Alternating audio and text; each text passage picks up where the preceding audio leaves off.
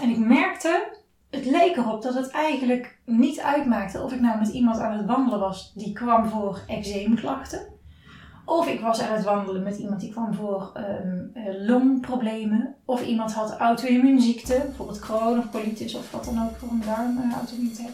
Of iemand kwam voor depressie, of iemand kwam voor, nou noem maar op. Het leek eigenlijk niet uit te maken op welke manier verloren gezondheid zich in iemands lichaam uit. Want de weg terug naar meer gezondheid, die bleek zoveel grote gemene delers te hebben.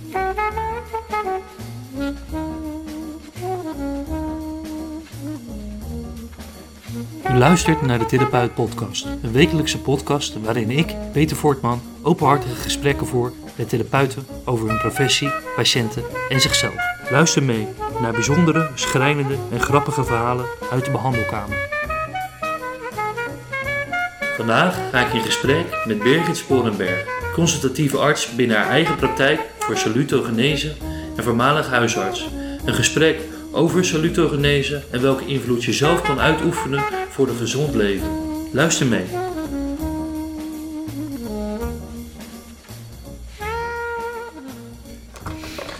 Nou, zullen we gewoon, uh, gewoon beginnen? Ik vind prima, ik ben benieuwd wat Ja. je plan is. Gaan we uur? Gaan we uur jij? Oh, ik vind j- jij fijner. Is jij dat ook oké vindt? ik, eh, zeker, ja. Ja, Nou, goedemorgen. dankjewel. Goedemorgen. Ehm, je, je, je hebt een praktijk voor salutogenese. Ja. Ehm, doe je dan salutogenese of eh, leer je over, informeer je mensen over salutogenese? Hoe, hoe zeg je dat eigenlijk? Ja, ik denk dat ik mensen iets vertel over salutogenese. Waardoor ze zelf eh, aan de slag kunnen daarmee. Ja. Dat denk ik eigenlijk. En ik vind het wel grappig dat volgens mij het, het eh, beroep van dokter, want ik ben eigenlijk ja, opgeleid tot arts, Mhm. maar dat dat volgens mij alles te maken heeft met het beroep van leraar. Dus eigenlijk zie ik, ja, zie ik daar niet zo heel veel verschil in. Dus ik doe salutogenese door mensen iets te vertellen over salutogenese, Mhm. zodat ze zelf aan de slag Ja. kunnen. Ja. Ehm, ik had er nog nooit van gehoord. Oh, Ik denk heel veel mensen niet. oké. Of, je- Nee, dat kan zeker. Ja, nee, ook. Ik heb om, me, om me heen heb ik, eh, heb ik eh, gezegd van ja, ik heb een gesprek over salutogenese. En de meesten die zeiden echt van nou, Wat is dat? Ja, en oh, eh, het, het gaat, er gaat nergens een belletje rinkelen of van, oh, Ah, oké. ja, is dat, eh, is dat een... We zitten in Maastricht, eh, aan deze kant van het land, is daar meer bekend over? Of? Nee, ik, nee, eigenlijk niet hoor. Ik denk ook dat het niet gek is. Ik kende het woord ook niet tot een jaar of hoe lang is het geleden? Weet ik niet, 15 jaar geleden of zo. Mhm. Mm, zal ik er wat over vertellen? Ja. het woord? Ja, Ehm, want ik merkte dat, waar zag ik het nou voor het eerst? Volgens mij in iemands proefschrift heb ik het gelezen. Salutogenese, daar ging het proefschrift over. En ik vond het woord zo mooi. Alleen al het woord Mhm. aan zich merkte ik, ja, dat, eh, dat, dat, eh, dat vind ik prachtig, dat bleef hangen. En toen ik daar een beetje in ging verdiepen, toen dacht ik, ah, wacht even, de betekenis erachter vind ik ook prachtig. Want ik ben in de reguliere geneeskunde opgeleid, hè, in principe tot huisarts. Maar of je nou opgeleid bent eh, als fysiotherapeut of verpleegkundige of wat dan ook in onze gezondheidszorg. Het leidend principe is altijd de pathogenese. Mhm. En misschien ken je dat woord, of misschien niet, maar in de dus pathogenese... principe ziek zijn. Ja, dat, eigenlijk pathos betekent lijden of Ja, ziek zijn. Dus ja. eigenlijk stond lijden en ziek zijn, dat stond eigenlijk centraal, staat Mhm. centraal, binnen hoe ehm opleidingen rondom gezondheidszorg, maar ook de gezondheidszorg in het Westen ehm, is ingericht. Alles gaat om ziekte heen, zeg maar. Het, het, eh, het eh, bestrijden van ziekte door middel van medicatie, of het zien van symptomen van ziekte, of nou ja, alles gaat over ziekte. Bij salutogenese echter, het, het voorvoegsel of het woordje saluto betekent, zoals veel mensen wel denken wel weten, gezondheid of gezond. Mm, genese betekent eigenlijk oorsprong van of oorzaken van. Dus ik heb dat voor mezelf vrij vertaald als oorzaken van gezondheid. Mhm. En dat betekent eigenlijk dat ik naar exact dezelfde mensen kijk, in dezelfde situatie, als dat ik vanuit de pathogenese zou doen. Maar dan met name mijn focus op ehm, hoe zou deze persoon geholpen kunnen worden in de richting van meer gezondheid. Ja, ja. En dan gaat er een wereld voor je open. Dat was voor mij zo'n totaal andere benadering. En ik werd er ook zo enthousiast van. Dat ik dacht, ja, salutogenese is toch wel echt een... Sowieso voor, voor de patiënten of cliënten of mensen zelf, zeg Mhm. maar. Een prettiger benadering. vind ik zelf. Hè? Want dan heb je de focus op iets heel anders. En ineens geef je mensen ook touwtjes in handen om daar zelf aan, eh, mee aan de slag te gaan. Maar ook als zorgprofessional is het gewoon heerlijk om vanuit die kant met mensen bezig te zijn. Want uh, in hoeverre is het anders? Mm, ik denk dat het meer mm, werkt met een waarom-vraag. Mhm. Nou, er zijn meerdere, vooral, meerdere dingen anders, denk ik. Ik denk dat de waarom-vraag uh, onderliggend is ook. Hè, van waarom hebben mensen bepaalde klachten? Als je dan toch, als mensen met klachten zouden komen, hè, waarom? Zou je toch kunnen kijken van wat speelt daar of wat dan ook? Nou, uiteindelijk maakt het niet eens uit welke klachten het exact zijn of wat exact het antwoord op de waarom-vraag specifiek voor die persoon is. Want wat zo grappig is, misschien is dat illustratief, mhm.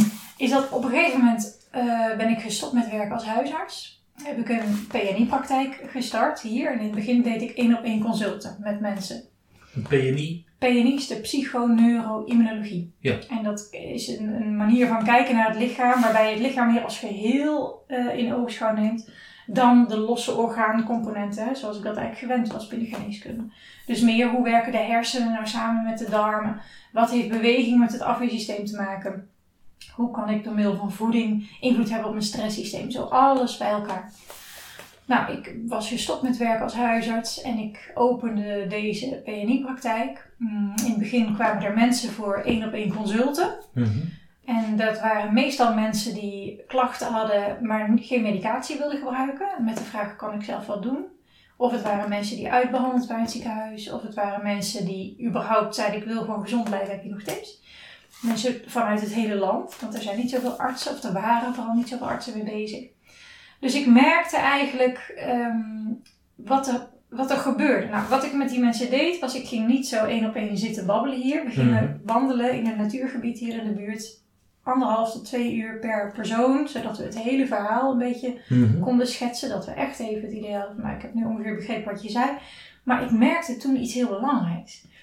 En ik merkte op een gegeven moment dat het leek erop dat het eigenlijk niet uitmaakte of ik nou met iemand aan het wandelen was die kwam voor eczeemklachten. Of ik was aan het wandelen met iemand die kwam voor um, longproblemen. Of iemand had auto-immuunziekte, bijvoorbeeld Crohn of colitis of wat dan ook voor een darmauto-immuniteit. Of iemand kwam voor depressie, of iemand kwam voor, nou noem maar op. Het leek eigenlijk niet uit te maken op welke manier verloren gezondheid zich in iemands lichaam uit. Want de weg terug naar meer gezondheid, mhm. die bleek zoveel grote gemene delers te hebben. En dat vond ik echt een heel belangrijk inzicht voor mezelf. En dat illustreert, denk ik, mhm. het, het verschil wat mij betreft toen ik werkte als huisarts. Hè, dat ik klachtgericht, ziektegericht, specifiek voor dat ene probleem. En nu, eigenlijk onafhankelijk van wat het probleem is, gezondheidsgericht. En dan is, blijkt dat een hele grote gemene deler te zijn waar we met z'n allen ja, touwtjes in handen hebben om zelf aan te kunnen trekken. En je zegt verlies van gezondheid. Ja. Dus dan stel je eigenlijk vast, er is iets gebeurd waardoor iemand minder gezond, waardoor iemand als gezondheid eh, verloren is. Bijvoorbeeld. Um, want stel jij een diagnose of uh, hoe? Nee, eigenlijk wat ik nu doe, is dat ik, ik stel zelf geen diagnose. Ik ben mm daar eerlijk gezegd ook niet zo in geïnteresseerd. Mhm. Ik vind het wel fijn om een beetje te weten van waar zitten mensen mee in het uh, medisch circuit. Mhm. zodat bijvoorbeeld ik mensen kan wijzen op, als we het heel simpel zeggen, suikerziekte. Ja. als ik weet dat mensen suikerziekte hebben, is het handig om uh, ze adviezen te geven om regelmatig hun bloed te prikken als we met leefstijlverandering aan de slag gaan. Zodat je het veilig houdt. Maar eigenlijk maakt een diagnose me heel vaak niks uit. Vooral de mhm. echt westerse diagnoses. Laten we zeggen 80, 90 procent van wat ik als huisarts tegenover me in de spreekkamer zie. Mhm. Dat maakt me eigenlijk niet precies uit wat het exact is. Omdat onderliggend lijkt eigenlijk een chronische disbalans van stress- en afweersysteem uh, aan de basis te liggen. Van vrijwel al onze westerse aandoeningen. Dus hoe het zich ook uit, mhm. De de adviezen die ik mensen geef, of waar ik mensen over vertel, is hoe kun je nou zelf invloed hebben op de activiteit van stress- en afweersysteem. En daarmee op al je klachten. Want eh, welke, welke indicatoren geeft het lichaam af dat, de, dat er iets speelt? Of dat, uh... Ja. Hmm, nou, dat kan ik denk dat in zijn algemeenheid verminderde vitaliteit, Ja. gewoon een subjectief eh, gevoel van minder welbevinden, Mhm. eh, dat is al een spiegel waar je in zou kunnen kijken. Ja. Zo zou ik het al eigenlijk een klein beetje willen, willen benoemen. Maar het kan ook zijn ehm, dat je bijvoorbeeld bij jezelf ziet eh, dat je kilo's aankomt. Mhm. Of dat je steeds een terugkerende schouderpeesontsteking hebt. Of dat je migraine hebt, wat maar terug blijft Mhm. komen. Of dat je eigenlijk toch wel heel vaak eh, buikpijn hebt. Eigenlijk, het, maakt eigenlijk niet uit. Klachten die er Mhm. zijn, vooral als dat niet heel even is, maar het terug blijft komen of het duurt wat langer, kan eigenlijk al een signaal zijn. Sterker nog, is denk ik in mijn ogen meestal een signaal van een beetje verlies aan gezondheid. En als het echt eh, langer duurt, hè, als Mhm. verlies aan gezondheid kan doorzetten, dan kan je uiteindelijk ook zien dat mensen echt een, een zeg maar iets wat wij noemen een ziekte krijgen. Een vorm van auto-immuniteit of hart- en vaatproblematieken of eh, nou ja, alles wat waar, waar we in het ziekenhuis behandelen.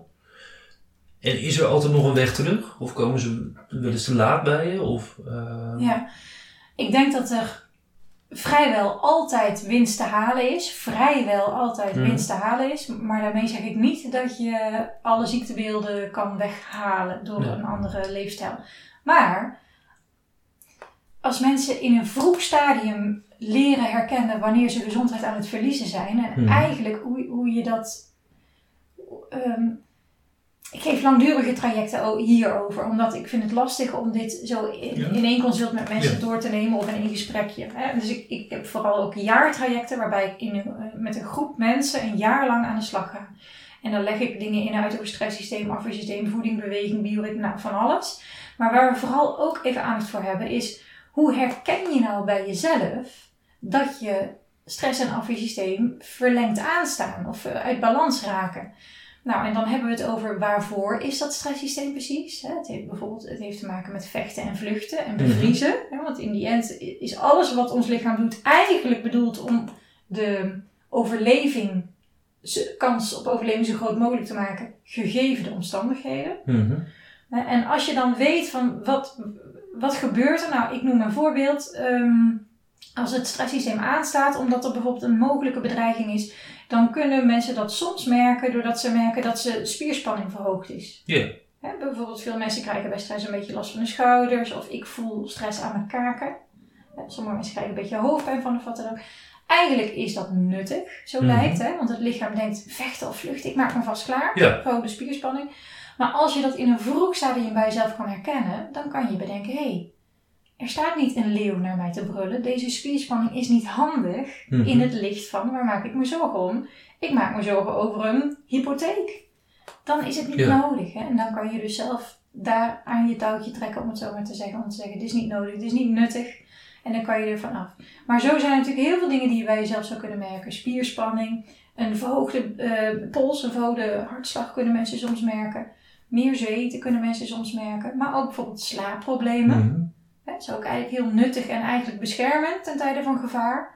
Maar in onze wereld is dat niet meer zo nuttig. Want het is niet een leeuw die staat te brullen. Het is een baan die je niet leuk vindt. Ja.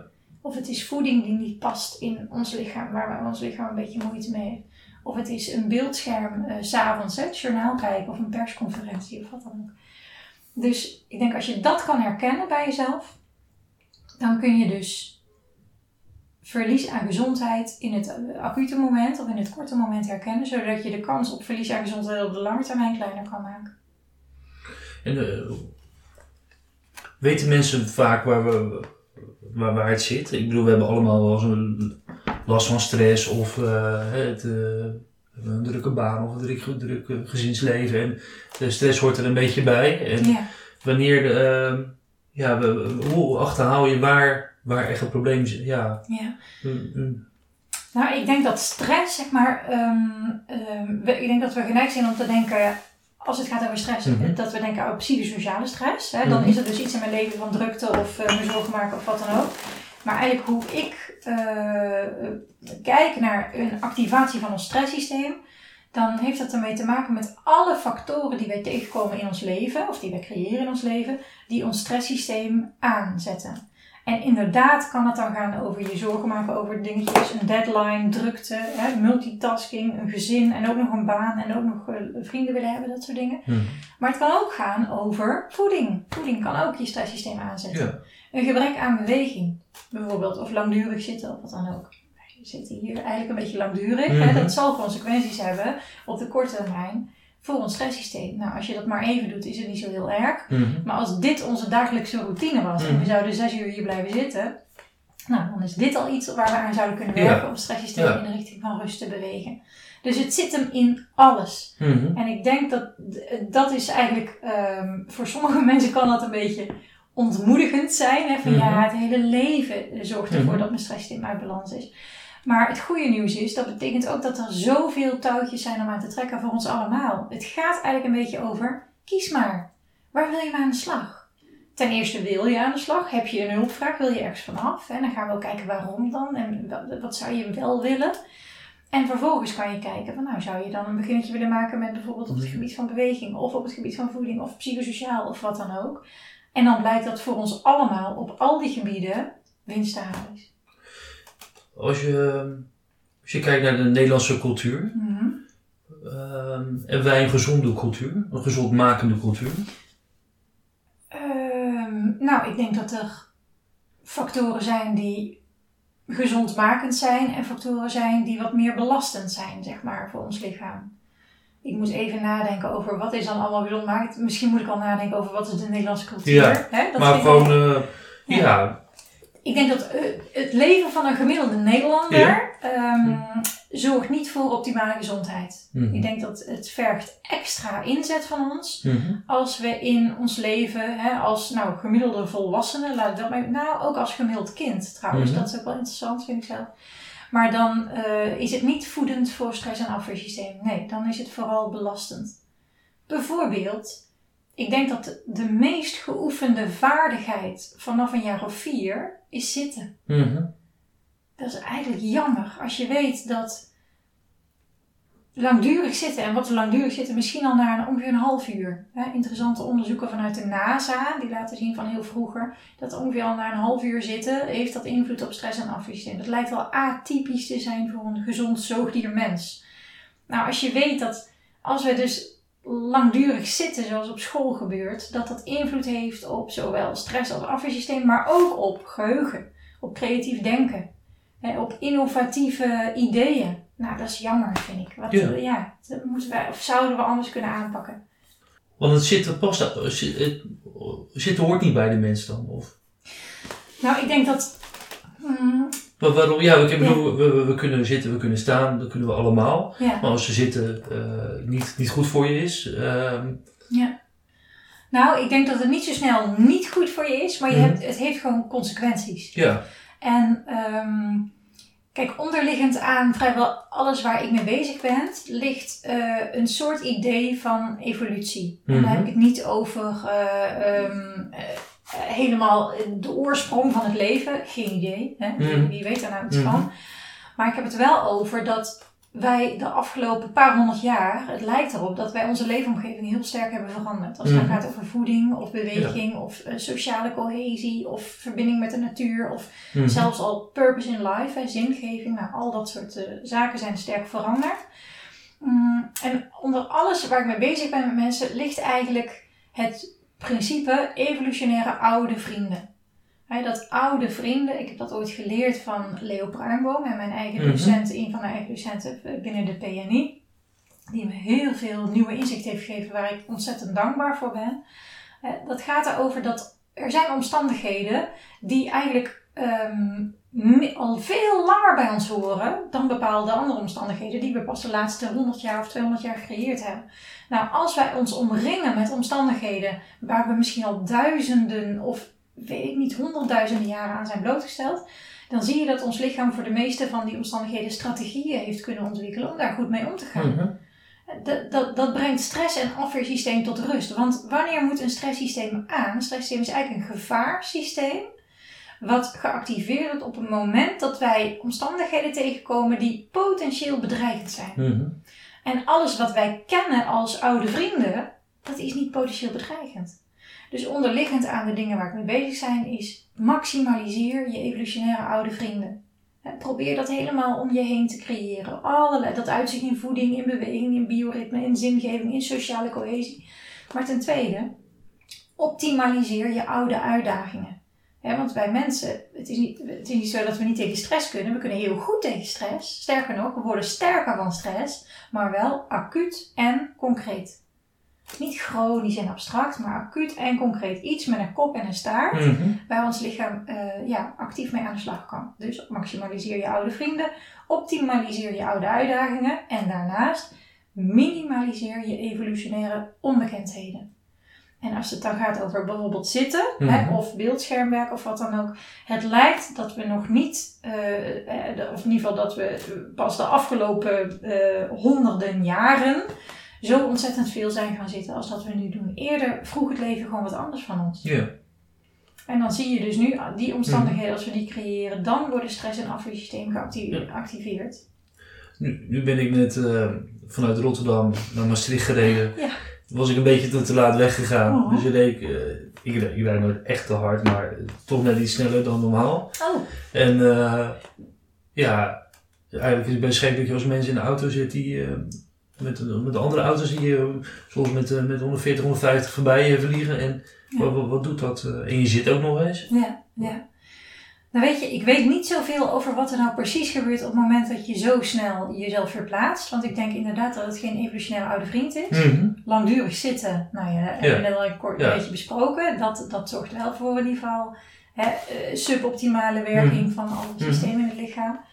Eh, maar daarnaast, ik denk dat er heel veel speelt. Bijvoorbeeld ehm, elektromagnetische eh, activiteit, elektromagnetische velden. Nou, in Mhm. een auto heb je dat Mhm. ook al, al veel meer. En wij zijn elektrisch geladen wezens. Dus wij, onze cellen werken bij de gratie van elektromagnetische verschillen. Nou ja, als je dan in een auto of in een vliegtuig of wat dan ook, hè, dan Mhm. omring je je natuurlijk met allerlei andere velden. Dus dat kan niet anders dan invloed hebben. Zelf was ik als kind altijd, en nog steeds merk ik het wel, had ik heel veel last van autoziekte. Ik denk eigenlijk dat het ook niet gek is. Ik kan me voorstellen Mhm. dat, er iets, dat dat iets te maken heeft met, ja, dit is ook geen evolutionaire oude vriend. Mhm. Dit, dit, dit past Ja. ons gewoon niet. Maar ook, ook de, de- eigenlijk zo'n rit is eigenlijk continu gevaar. Want eh, je kan niet even je ogen dicht doen, je kan niet Ja. opzij kijken eh, op je gemak, want het is continu Ja. levensbedreigend, gewoon echt. Hoe, ehm, maar is, is dat wel een, eh, een, een gunstige stress, acute? Want eh, het is logisch dat je op dat moment een bepaalde stress ervaart of Ja. een, een alertheid hebt. Ja, ja. Ja, mm, ik denk als dat het enige was zeg maar, Ja. in jouw leven, dan denk ik niet dat het heel erg eh, be- Mhm. belastend zou zijn of wat Mhm. dan ook. Maar als je dit optelt bij, ik noem even niet jouw leven, maar het gemiddelde leven van een gemiddelde Nederlander. En stel dat je drie uur per dag in de auto doorbrengt Mhm. En eh, zes uur per dag op een eh, bureaustoel. eh, acht uur per dag achter je laptop zit en ehm, het gemiddelde Nederlandse dieet ja, Mhm. verorbert Mhm. dan denk ik dat alles opgeteld wel ja, belastend is voor de werking van je lichaam. Dus het, telt niet mee. Hè? Nee, nee. Als je daarentegen een wandeling kan maken in de natuur, Mhm. maximaliseer je oude vrienden, dan kan dat juist een tegenhanger zijn voor dat geactiveerde stress- en afweersysteem. Wat zijn nog meer eh, ou- oude vrienden? Op alle gebieden kun je oude vrienden benoemen, op alle leefstijlgebieden. Ik denk dat ehm, beweging is eh, vrijwel continu in beweging zijn. Een grote diversiteit aan beweging. Ehm, in contact zijn met de natuur. Zowel eh, zintuigelijk, hè, dat je natuur ziet, dat je natuur hoort, maar ook dat je contact hebt letterlijk met alle eencellige organismen die in de natuur zijn. Of het nou gaat over hè, de aarde aanraken of Mhm. boom aanraken of wat dan ook. Of het eten van eh, voeding uit de natuur, welke vol zit met eencellige organismen. Nou ja, dat zijn al een paar dingetjes. Maar ook sociale cohesie. Eh, je verbinden met mensen om je heen. En dan niet via Facebook of wat dan ook, maar echt live. Mensen in de ogen kijken. Als Mhm. we elkaar in de ogen kijken, maken wij, met name als we iets langer kijken, maken wij allebei stoffen aan in ons hoofd die zorgen dat wij meer verbonden aan elkaar zijn. Tenminste, als de intentie liefde is. Ik kan Mhm. ook op een bepaalde manier naar je kijken dat je denkt, oh, dit is niet de bedoeling zo, hè. Maar eh, als de intentie liefde is, dan, dan zorgt dat voor gezondmakende stoffen, zowel voor jou als voor mij. Met een, bij, uh, met een, een bijpassend effect ook op stress- en Mhm. afweersysteem. Hè, maar zoals wij nu ons leven hebben ingericht, vooral in deze tijd, hè, als ik zie hoeveel digitale dingetjes er wel niet zijn. En hoe weinig mensen elkaar kunnen zien en kunnen aanraken. Nou ja, dat is eh, een hele mooie eh, illustratie, denk ik, van verlies aan oude vrienden. Wat veel mensen ook kunnen voelen. Het is niet Ja. hetzelfde. Ik kan je wel zien door een schermpje, maar je bent niet bij me. Hè, dat is wat anders. Mhm. Zijn er de ehm, ziektes of eh, klachten die je ziet waarvan je zegt van nou, dat komt echt gewoon puur door de, of dat is op te lossen door meer tijd te besteden aan je oude vrienden? Of waar, Ik waar, denk- we, waar we nu misschien in de, de reguliere zorg andere oplossingen voor hebben? Ik denk bijna alles wat we in de reguliere zorg zien. Ja? Ik denk dat ooit zei een, een geneticus, ik weet even zijn naam niet meer, Dobzhansky, volgens mij heet hij Dobzhansky. Die zei heel veel jaar geleden, the genes load the gun Hm. and the environment pulls the trigger. En op het moment dat hij dat zei, geneticus, eh, ik weet niet wanneer was het, 1983, ik weet het echt niet. Mm, toen leek het erop dat er inderdaad sommige eh, eh, ziekten, sommige eh, symptomen of zo waren die daarmee te maken hadden. Hè? Die vooral door de environment kwamen, vooral door de omgeving. Maar nu steeds meer lijken de onderzoeken te wijzen in de richting van misschien gaat wel 70 tot 90 tot 95 procent van de aandoeningen die wij zien in de reguliere geneeskunde in Nederland gaan eigenlijk vooral over de environment, dat pulls the trigger. En in veel gevallen, of misschien wel bijna alle gevallen, is het zo dat de genen het geweer laden. Mhm. Hè? Dus de kans dat jij een bepaalde aandoening gaat krijgen, ligt waarschijnlijk ook besloten voor een deel in je genen. Maar of die genen tot uiting gaan komen, Mhm. dat bepaalt jouw leefstijl, jouw omgeving. En het is niet zo dat wij overal invloed op hebben zelf. Bijvoorbeeld, of in ieder geval niet makkelijk, luchtvervuiling. Nou ja, ik woon hier in Maastricht, we hebben hier onze issues. Hè? Rotterdam heeft vast ook weer de eigen Mhm. issues. Dus het is niet zo dat je kan zeggen, je hebt daar schuld aan, aan je ziekte. Want dat ligt natuurlijk, is een beetje Ja. een dun lijntje geworden. Maar ik denk wel dat je zou kunnen zeggen dat we op bijna alle ziekten en aandoeningen die we hier in het Westen zien, dat je daar verbetering in zou kunnen bewerkstelligen, of in ieder geval invloed op kan hebben, door eh, evolutionaire oude vrienden, evolutionaire onbekendheden. Door daarmee aan de slag te gaan, zeker. En ehm, als je nou bijvoorbeeld kijkt naar de ADHD, eh, de milde vormen van depressies of eh, suikerziekte, allemaal. Zijn, zijn er echt eh, beelden waarvan je kan zeggen, ja, dat, dat, dat, dat, moet, dat moet eigenlijk wel anders op te lossen zijn? Alles. Alles. Vrijwel alles. Ik ben me nu aan het voorbereiden op een lezing voor een eh, symposium voor eh, psychiaters. Ehm, leefstijlpsychiatrie. Nou, het is beren interessant om te zien wat er dan voorbij komt. Hè? En ik denk ten eerste, het is interessant om te zien dat als wij leefstijl veranderen, als je bij mensen, of in eerste instantie bij zoogdieren, maar je ziet het ook terug bij mensen, als je leefstijl verandert, bijvoorbeeld het bioritme door elkaar schuift, Mhm. hè, op een atypisch moment van het etmaal licht en op een atypisch moment duisternis of willekeurig of wat dan ook. En ook de timing van eten Mhm. hè, eh, verschuiven, iemand laten bewegen op atypische momenten. Dat binnen no time mensen kenmerken van depressie laten zien. En binnen no time mensen het voorstadium van suikerziekte hebben bereikt, binnen, binnen dagen. Mhm. Alleen al door eh, dat bioritme zo over, overhoop te halen. Dat geeft aan dat wij dus gevoelig zijn voor het verschuiven van onze evolutionaire Ja. vrienden. Maar het goede nieuws is, als wij dat weer in lijn brengen, dan verdwijnt dat. En ik denk dat met name bijvoorbeeld depressie, met voeding, alleen al met voeding is een wereld te winnen als het gaat over depressie. Alleen al met beweging, en dat is denk ik meer onderzocht beweging, Mhm. daar zitten wat minder tegengestelde belangen, denk ik, die daar spelen in die wereld. Hè, maar runningtherapie bij, eh, bij depressie of wat dan ook. Maar alleen al natuur, alleen al ehm, purpose in life. Hè? Waarom ben je hier? Kun je elke dag datgene leven waarvoor je hier bent? Kan je jouw cadeau brengen elke dag? Mhm. Nou, dat is zo gezondmakend en dat weten we natuurlijk van, van eh, case reports of van kleine ehm, eh, ja, groepjes waarbij dat onderzocht wordt. Maar over het algemeen, ik denk een kwestie van tijd voordat ook op het gebied van bijvoorbeeld depressie een leefstijlprogramma naar voren komt. In, in Groningen heb je bijvoorbeeld Lentis Zorg, dacht ik, hier Hoenders, een evolutionair, of een, een psychiater die zich veel bezighoudt met evolutionaire oude vrienden en daar hele grote stappen in maakt. Kwestie van tijd. Nou weten we denk ik allemaal wel dat uh, een diep gefrituurde kip niet, uh, niet, niet, niet, heel erg gezond is Mhm. voor je, maar uh, is het ook wel te doen in onze samenleving? Ja, Zonder dat je jezelf helemaal buiten de samenleving moet plaatsen. ja. Nou, dat is denk ik een hele relevante vraag. Want ik denk wel dat het eh, best een uitdaging is. Het vergt wel. ehm, ja, het is niet de, de, de meest makkelijke weg Nee. om dit te, te doen, denk ik. Om hiermee aan de slag te gaan. Mm. Maar wat ik wel zie, en daarom vind ik het, het een grote meerwaarde van werken met groepen mensen, als het Mhm. gaat over zo'n eh, jaartraject of wat dan ook. Hè, of als ik één op één consulten doe, eh, vaak ook dat ik de partner graag erbij zou willen betrekken of wat dan ook, of iemand die met ze meeleest. Omdat als je daar samen mee aan de slag gaat en begrijpt waarom je bepaalde beslissingen maakt, maak je het voor elkaar veel makkelijker. Hè, dus wat ik heel vaak zie is dat als ik een jaartraject heb gegeven, dat het jaar daarop komen partners of kinderen of ooms en tantes of collega's of wat dan ook, omdat ze geïnspireerd zijn geraakt. Hé, hey, wat doet die persoon? En wat is gebeurd met dat lijf? Is hij heel afgevallen, veel vitaler of heeft hij migraine meer of wat dan ook? Mhm.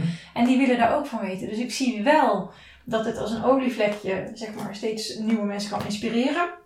En juist dat inspireren maakt het makkelijker om het vol te houden, zodat je het samen doet. Maar het is niet de weg van de meeste weerstand, minste weerstand.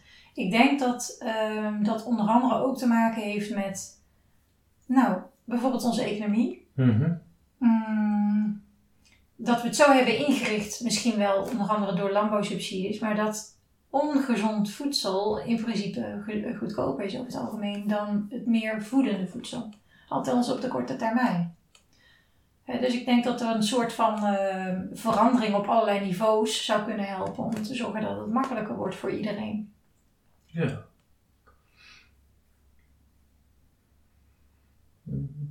En, en zit er, er ehm, ik merk ergens ook af en toe bij mezelf en af en toe bij mensen om me heen, dat, Ja. dat de, de, de, de nadruk op heel erg gezond willen zijn, Mhm. ehm, dat het ook best wel stress op kan opleveren. Ja, Hè? dat is Dat- interessant. Hè? ja, het, het is ook een. ehm, ja, je, je hebt heel veel keuze, dus je krijgt een soort van keuzestress. Eh, je, je gaat jezelf eh, slechter voelen op het moment dat je faalt, terwijl je er niet altijd wat aan kan doen. Ja. En het, ja, het is, ergens is gezond willen zijn ook weer een beetje ziekmakend. Nou ja, ik, vind het wel mooi dat je dat zegt. Ik denk inderdaad dat ehm, het label wat je ergens oplakt, Mhm. en dat dat wel heel erg bepalend is voor of iets nou belastend of voedend voor je is.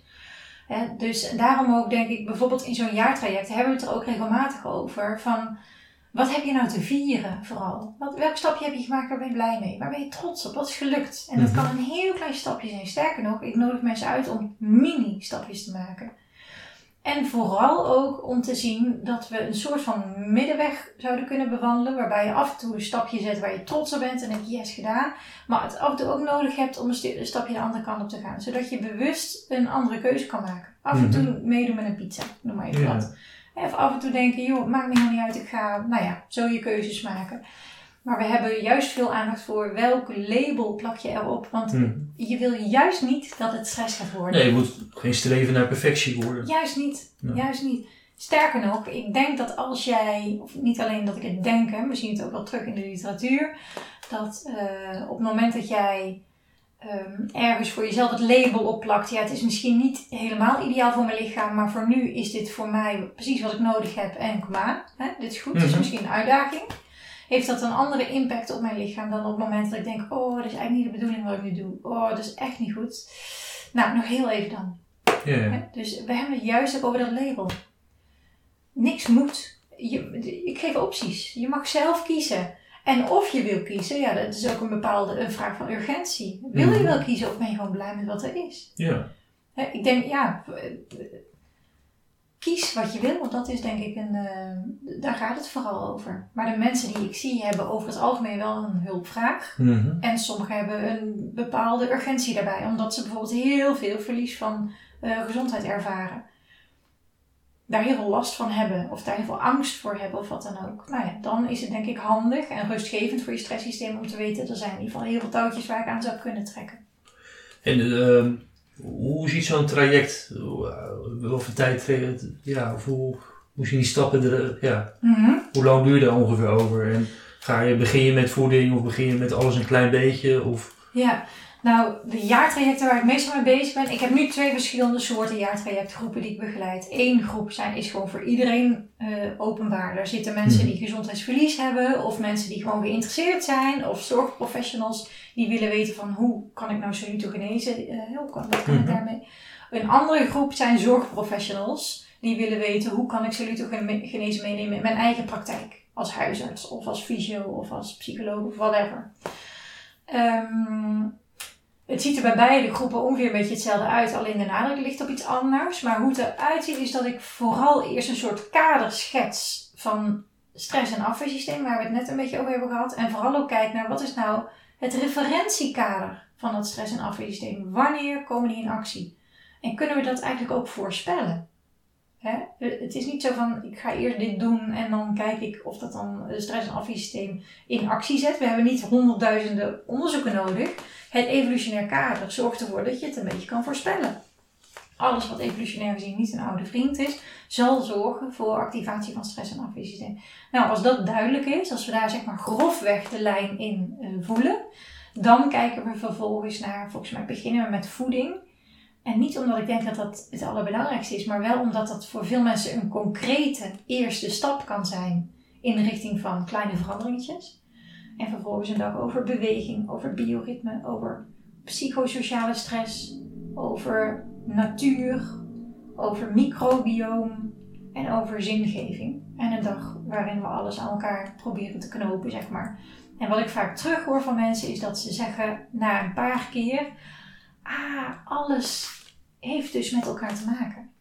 Je kan niet zeggen voeding, al, je kan eigenlijk niet over voeding praten als apart onderdeeltje, want het raakt aan bioritme. Hè, qua, wanneer, Mhm. De timing van voeding. Het raakt aan beweging. Doe je dat nou voor of na het eh, bewegen of na het eten? Het raakt aan stress. Het, alles raakt aan elkaar. Dus het is een beetje een web. En dat maakt ook dat het soms wat moeilijker is om daarover te praten. Omdat er niet zo heel veel lineairs in zit. Maar juist een web waarbij alles elkaar beïnvloedt. Maar dat zorgt ook, denk ik, te zien. En dat krijg ik ook vaak terug. Dat als mensen eenmaal voelen. Ah, dat web dat raakt elkaar aan alle kanten. En ik kan aan touwtjes trekken en daarmee alles beïnvloeden. Ja, dan zakt er iets in. Of dan daalt er iets in. Waardoor ehm, je dat niet vergeet. Het wordt een logisch verband. wij merken in de, in de fysiopraktijk dat gedragsveranderingen zijn best lastig. Ja. Eh, en soms zijn mensen komen met eh, de, ja, die, die, eh, die, zijn er enthousiast om iets te bewegen of Ja. eh, iets in, in verandering te zetten. En dan houden ze het een tijdje vol en dan vallen ze weer terug. Ja. Dat, eh, ja, dat, zie je, dat zie je veel. Is de, zie jij in jouw jaartrajecten dat, er een, dat, het, dat het behapbaar is dat mensen het volhouden? Nou ja, eh, zeker. Maar ik zie ook dat mensen ja, terugvallen. Of ik zie ook dat je niet alles volhoudt. Ik denk Mhm. ook dat dat niet nodig is. Mm, maar we hebben ook aandacht voor het onderwerp gedragsverandering. En wat we dan doen is we kijken naar het brein en ook de verschillende breinlagen die betrokken lijken te zijn met gedragsverandering. En hoe die bepaalde breinlagen te beïnvloeden zijn. Hè? Wat die nodig hebben om goed te kunnen functioneren. Hè, dus een, een onderdeel van het jaartraject is bijvoorbeeld eigenlijk niet alleen jaartraject, maar überhaupt als ik met mensen aan de slag ga en gedragsverandering is belangrijk daarin, dan probeer ik herhaling in te bouwen. En niet per se met mij, maar ik probeer mensen aan elkaar te koppelen, zodat zij tussendoor, bijvoorbeeld in het jaartraject, de deelnemers hebben onderling, halverwege eh, tussen twee lessen in, contact met elkaar om door te nemen. Hoe is het met jouw veranderplannetje? Hè, of vernieuwingsplannen, of hoe je het ook wil noemen. Wat heb jij al te vieren? Wat is al gelukt? Had je nog iets wat je eigenlijk zou willen en lukt het niet zo goed? Wat heb je nodig om dat een stapje verder te... Dat is alleen al om het, om het aspect herhaling in te bouwen, want dat heeft ons reptiele brein nodig Mhm. om te zorgen dat we iets, een automatisme maken. Hè, als jij het programma hebt eh, ingebouwd in jouw lichaam dat je s'avonds om 8 uur met een zak chips eh, op de bank Netflix gaat kijken, dan zul je daar een sterker programma tegenover moeten zetten om te zorgen dat je dat programma niet meer gaat afdraaien. Als je, Ja. als je dat wil, hè? want het moet ook een keuze zijn. Nou, daar is herhaling, herhaling, herhaling is daar essentieel voor. Zodat je een sterker programma, een sterker weggetje inslijt eigenlijk in je hersenen. En daar, dat kunnen mensen onderling doen door eh, een bepaald eh, eh, contactmomentje te hebben. Of ze hebben nog meer contactmomenten op het moment dat ze zelf een veranderplannetje gaan schrijven. Hebben we ook altijd beginnen we het jaartraject met: oké, wat heeft iedereen te vieren? Zodat we nog eens op terugkomen.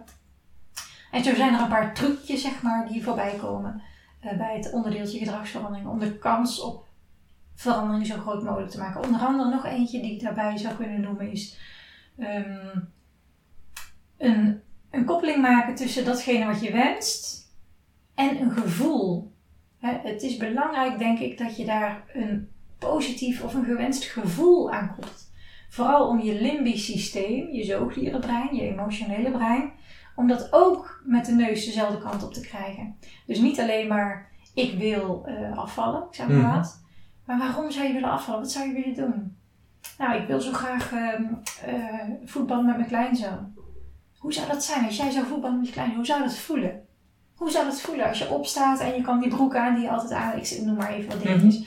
Nou, dat gevoel Mhm. steeds weer oproepen zorgt ervoor dat alleen al de wens, alleen al de plan, het plan wat je in je ratio hebt gemaakt, dat dat in de diepte ondersteund wordt vanuit je limbisch systeem. En ook dan wordt de kans op verandering groter.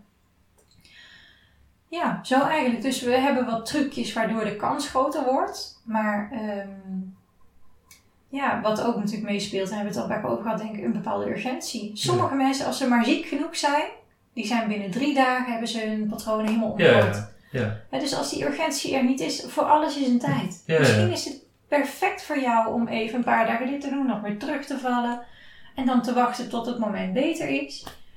Het is prima. Het is sowieso allemaal prima. Het is meer het aanbieden van meerdere opties om te kijken, zou je eruit willen kiezen, wanneer en wat. En hoe, hoe lang hou je jezelf hier, hier al mee bezig? Hmm, ik denk ja, sinds de PNI-opleiding, sinds dat ik de PNI-opleiding deed, en wanneer was dat? Dat was, even kijken, eh, nu ongeveer zeven jaar denk ik met PNI. Ben je niet zeven jaar ziek geweest? Ja, ik ben wel ziek geweest. Ik heb wel af en toe een. eh, ik heb af en toe, of ik heb iets verkeerds gegeten of wat dan Mhm. ook. Dat, dat is nog steeds. Ik heb ook af en toe een snotterneus of wat dan ook. Maar er is wel van alles veranderd aan mijn lichaam de afgelopen zeven jaar. Ik denk dat ik eh, heel veel kilo's lichter ben dan ik eerder was. Mhm. Ik had eh, echt wel behoorlijk wat huidproblemen. Nou, dat is vele malen minder. Mm, ik had wat minder stabiel gemoed, denk ik. Ik was Mhm. wat meer hobbelig in mijn eh, blij zijn en wat verdrietiger voelen. Nou, dat, dat, dat herken ik helemaal niet meer. Ehm, ik had, wist ik pas achteraf, dat was wel interessant, denk ik. Ik had vrijwel elke dag een beetje buikpijn. Mhm. Maar dat merkte ik pas toen ik geen buikpijn meer had. Ehm, en ik voel me veel vitaler, veel sterker. En vooral, en dat hoor ik van veel mensen die mee aan de slag gaan, ik heb het gevoel dat ik scherper kan denken. Dat ik beter kan associëren, ik kan veel beter onthouden. Het wordt een beetje omschreven als brain fog. Mhm. Dat lees je terug in de literatuur, maar dat hoor ik ook van collega's in Amerika of in Australië. Dat dat ook altijd wel een bijwerking is die mensen rapporteren op het moment dat ze stress- en afweersysteem in de richting van rust bewegen. Nou, dat heb ik wel, eh, dat heb ik wel ondervonden. Ja. En vooral wat ik ondervonden heb is zoveel meer eh, plezier in het werken met mensen die vragen hebben over gezondheid. Ja, dat is echt fantastisch, vind ik. Ik word er heel enthousiast van. Ja, ja. En, en je zegt huidproblemen, is dat dan een soort van acne of eh eczeem? Ja, ik denk dat ik, eh, ik weet dat ik eh, flinke acne had. Ja. Dus niet alleen maar in mijn puberteit, maar ook ver daarna. Maar ook rosacea, een vorm Mhm. van auto-immuniteit eigenlijk. Of die ook onder andere meespeelt. Ehm, ja, dat met name. En om dat als voorbeeld te nemen, zou je dat ook zeg maar één op één kunnen relateren aan van nou, dat kwam door voeding of dat kwam door stress of is dat... Ik denk dat het altijd een samenwerking is van alles. Ja. Maar wat ik wel interessant vind, is dat ik nu aan mijn huid kan terugzien. Ah ja, wacht even. Dat was ook wel best een beetje een gespannen weekje. Of Ja, ja. ah ja, we hebben weer. eh, ik heb een. Weet je, ik probeer een afweging te maken tussen het volhouden of het, het eten hoe ik zelf wil eten. Hè, en af en toe sociaal mee te doen.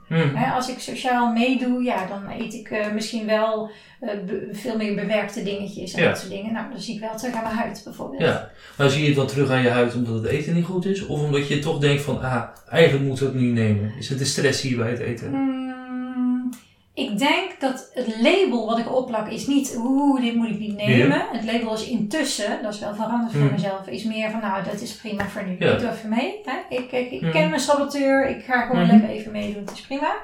Maar natuurlijk, het speelt vast ook een rolletje. Dat, dat kan bijna niet anders. Hè? Maar ik denk vooral terugzien, nou ja, slechte nachten. Stel dat je, we hebben kleine kindjes, of klein, oudste of de jongste is eh, bijna negen. Maar eh, die wordt nog wel eens wakker s'nachts, eh omdat hij slecht droomt, moeilijk droomt of wat dan ook. En dan eh, maakt hij mij wakker.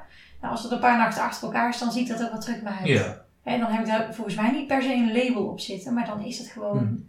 een stresssysteem wat geactiveerd wordt. Volgens mij hebben ze wel eens onderzoek gedaan naar, de, naar carnaval. Mhm. Dat ja, op zich natuurlijk dagen achter elkaar flink tanken is. Ja. Maar dat het uiteindelijk op de lange termijn ge, eh, gezondmakend is. Oh, echt? Ja. Ja, omdat, ze, omdat mensen dan toch zeg maar eh, alle eh, het stress van een heel jaar eruit eh, uitgooien. Oh, oké. Oh, dat kan natuurlijk ook. Ja. Ja, ja. eh, ehm, ja hoe, denk je daarover? Of, Ik kan me dat helemaal voorstellen, ja. Ja. Ik denk dat er zijn, in alles wat we doen heb je een belastende kant en een voedende kant. En het is Mhm. net hoe je erin staat. Kijk, ik, ik weet ook dat voor sommige mensen is carnaval behoorlijk wat stress. Ja. En die zullen daar niet zo'n eh, voordelen van hebben. Vooral niet als er ook nog alcohol bij komt en een verstoord bioritme, ik noem maar wat. Mhm, mhm. En een patatje, of ik weet al niet wat er erbij komt. Maar zeker als je de ervaring hebt, ik kan me eindelijk eens laten gaan. Ik ga mijn vrienden weer zien. Mhm. Hè, We houden elkaar vast, we zijn aan het dansen, we zijn vrolijk, zorgen zijn weg. Nou, dat, is- dat, dat is heel veel waard. Zeker, ja, dat snap ik wel. Hoe kijk je nu... ehm, eh, ja, het is natuurlijk coronatijd. Ja. Ehm, ja. Ja, ik wil, ik wil niet echt een eh, vaccinatiediscussie of zo, maar hoe, hoe, hoe, hoe, de- hoe denk je over van, is het goed om af en toe ziek te worden? Is het voor je immuunsysteem of... eh heb je daar- denk- daar gedachten bij? Ja, ik heb daar wel gedachten bij. Mm, ik denk dat wij als geen ander kunnen omgaan, of ik zeg als geen ander, dat is niet waar. Ik denk dat, dat onder andere wij, en mens, Mhm. in principe ontzettend goed kunnen omgaan met eencellige organismen om ons heen. Mhm. dat we dat al, zolang als we hier op aarde zijn, dat we dat doen. Want wij waren er waarschijnlijk niet eerst. Hè? Eerst waren er andere eencellige organismen hoogstwaarschijnlijk. Dus ik denk dat we daar eigenlijk fantastisch toe in staat zijn. Ja, sterker nog, ehm, vooral de onderzoeken van de afgelopen 10, 20 jaar over het microbioom, hè, die gaan over bacteriën, virussen, schimmels, gisten, al dat soort eh eencellige, die laten keer, keer op keer zien dat hoe meer biodiversiteit in onze omgeving, Mhm. hoe meer biodiversiteit in ons lichaam ook, want wij dragen op al onze lichaamsbarrières, al die eencelligen met ons mee, hoe meer gezondheid. Dus ik denk dat dat belangrijk is om ons te realiseren dat we daar eigenlijk ehm, heel erg goed in zijn en dat we daar ook een fantastische uitrusting voor hebben in de vorm van bijvoorbeeld ons aangeboren immuunsysteem. Maar, maar ook in een eh, niet zo erg divers landschap als Nederland. Nou, ik denk dat. ehm, ik denk dat wat er nu gebeurt en wat je nu ziet rondom corona en mensen die daar ziek van worden en hè, de, de spanningen die daaromheen zijn, dat dat onder andere een soort van ontmaskering is van een belabberde toestand eh, van stress- en afweersysteem van eh, mensen in het westen van de wereld, Mhm. met name.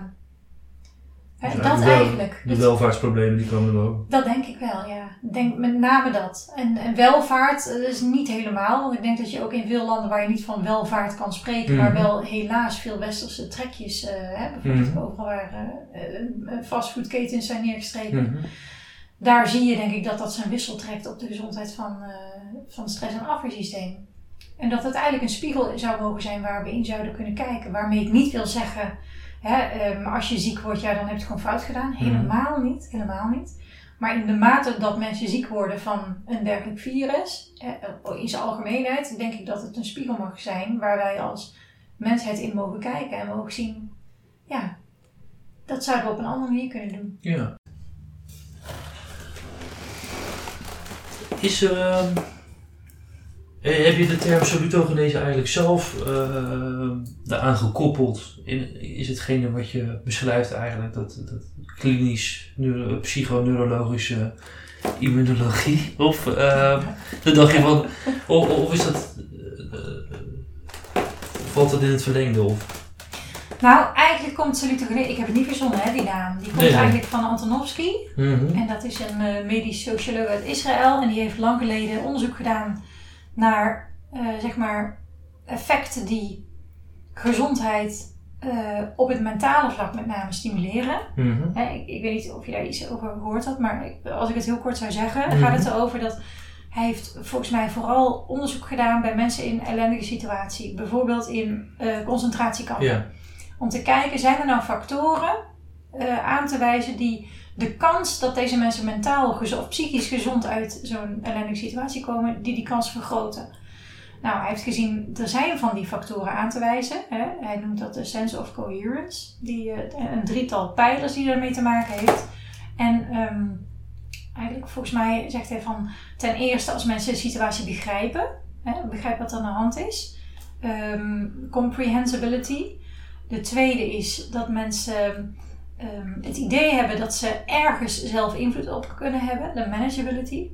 En ten derde gaat het over, kunnen mensen een meaningfulness toevoegen aan, aan datgene in welke situatie ze zitten. hè. Dus zien zij wat, het- wat het idee, een vorm van zingeving van Mhm. de situatie waarin ze zitten. Nou, die drie dingen bepaalt voor een groot deel of mensen daar wel of niet psychisch oké uit kunnen komen. Uit welke benarde positie dan ook zo lijkt.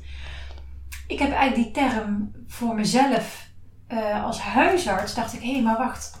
We kunnen dat breder trekken. Dat kan ook naar het hele lichaam. Niet alleen maar de psyche. Hè? Dat kan een uiting zijn van het lichaam. Maar het hele lichaam zelf. Zou dat nou gelden voor ge- gezondheid in een heel lichaam zelf? En ik denk te zien dat dat zo is. Dus ik heb die term niet verzonnen. Ik heb hem Mhm. eigenlijk geleend. Mhm. En ik gebruik hem nu in de wat bredere zin dan hoe Antonovsky het eigenlijk bedoeld had.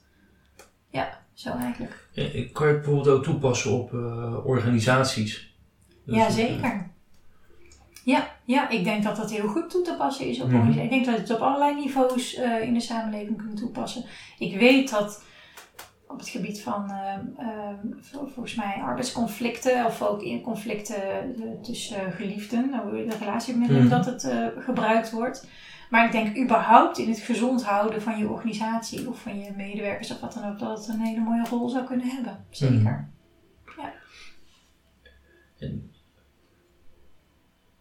Vind je het moeilijk om... eh, We mogen jouw kinderen bijvoorbeeld gewoon chips en dat soort dingen. En, eh? Of, of- Ja.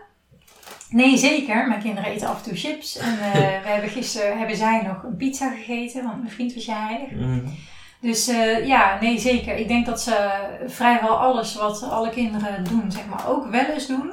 Maar het is niet eh, de norm of het is niet het meest voor de hand liggende. Mhm. Ik denk dat we, we eten een beetje anders dan veel andere mensen doen, denk ik, over het algemeen genomen. We zijn wat kritischer op schermtijd, over het algemeen. Ik denk dat we ook wat, ja, misschien nog wel wat kritischer zijn op het handhaven van een bepaald bioritme. Ja, zo. Nou ja, er zijn natuurlijk allerlei uitersten. Hè? Er zijn Ja. mensen die hebben dat nog kritischer of doen het nog Ja. een beetje anders. Misschien ergens ook een beetje een middenweg. Ik wil, we willen heel graag proberen te voorkomen dat er een obsessie echt ontstaat. Ja. Zodat je het echt weghoudt. Dat Mhm. over het algemeen niet. Maar we bespreken wel veel daarover. Mhm. Ik heb ook het idee dat mijn kinderen daar zelf ook best wel veel over weten al. Dat vind ik ook wel, wel leuk. Is het lastig om daar niet in door te schieten? Ehm, ik vind het een uitdaging voor mezelf. Want ik zou het liefst, hè, Mhm. als ik voor mezelf een bepaalde besluit heb genomen van ik wil dit echt niet meer eten. Of hè, ik wil echt, ja, ik ga er echt op letten dat we dit en dit en dit Mhm. doen. En dan vind ik het wel eens een uitdaging voor mezelf om te weten, oké, mijn kinderen zijn nu naar een feestje van die persoon. Mhm. Ik weet gewoon wat daar gebeurt. Dit, dit, dit, dit, en dit met een scherm en dit met ja. En dan dat loslaten, maar dat, maar dat gaat over mij. Hè. Dat Mhm. heeft niks met hun te maken, dus voor mij een Ja. uitdaging. En ik probeer daar een soort van middenweg in te bewandelen. Tenminste, zo voelt het voor mijzelf. Ja. Heb je voor jezelf een idee van, van ik, wil, ehm, ik wil dit bereiken met hetgene wat ik doe? ja, echt iets bereiken. Ik ben gewoon heel blij met wat ik nu doe. En ik vind het ontzettend veel voldoening geven als mensen. eh, als ik mensen hoor zeggen dat ze zo blij zijn dat ze zich ineens realiseren dat ze zelf een groot deel van de regie of touwtjes in handen kunnen nemen, laat ik het zo Mhm. maar zeggen. Ja, het empoweren, om dat woord maar even te gebruiken van mensen, in plaats van ze het idee geven dat ze afhankelijk zijn van artsen of medicatie of wat dan ook, bij vrijwel alle aandoeningen die we hebben. Nou, dat vind ik ontzettend gaaf. Dat vind ik gewoon Ja. mooi. Ja. Mooi. Zijn er nog dingen die je zelf kwijt wil? Ehm, nou, misschien wat ik nog zou willen zeggen is dat ik het, wat ik ook zo leuk vind en waar ik mee bezig ben, is dat het raakt aan alle onderdelen van de maatschappij. Want ehm, het gaat eigenlijk niet over. over soms we- vragen mensen wel wat doe je en dan vertel ik er een klein beetje over. Ah, dan ga je dus over voeding en beweging. Dat klopt ook wel, daar heb ik het over met mensen. Maar het gaat ook over landbouw. En het gaat ook over architectuur. En het gaat ook over onderwijs. En het gaat. Het, in al die gebieden, daar is door de bril van de salutogenese iets over te zeggen. En dat vind ik zo leuk. Dat vind ik zo leuk, om Ja. op al die gebieden te kijken van zouden we daar nou misschien kleine aanpassingen kunnen doen? Zouden we er anders naar kunnen kijken? Om te zorgen dat wij daar als mensen uiteindelijk ons voordeel mee kunnen doen. Ja. Is dat heel anders dan de antroposofie? Ik denk dat er heel veel overlap is met de antroposofie. En dat waar ik, eh, ik weet niet zoveel over Rudolf Steiner, maar wat ik denk te weten over hem, is dat hij ook met zijn manier van denken ehm, over landbouw had. En over onderwijs en over architectuur en over alles, alles, alles, omdat alles met alles te maken heeft. Alles is verbonden en dat uit zich onder andere in de gezondheid van de mens. Prachtig. Oké, dankjewel. Dankjewel.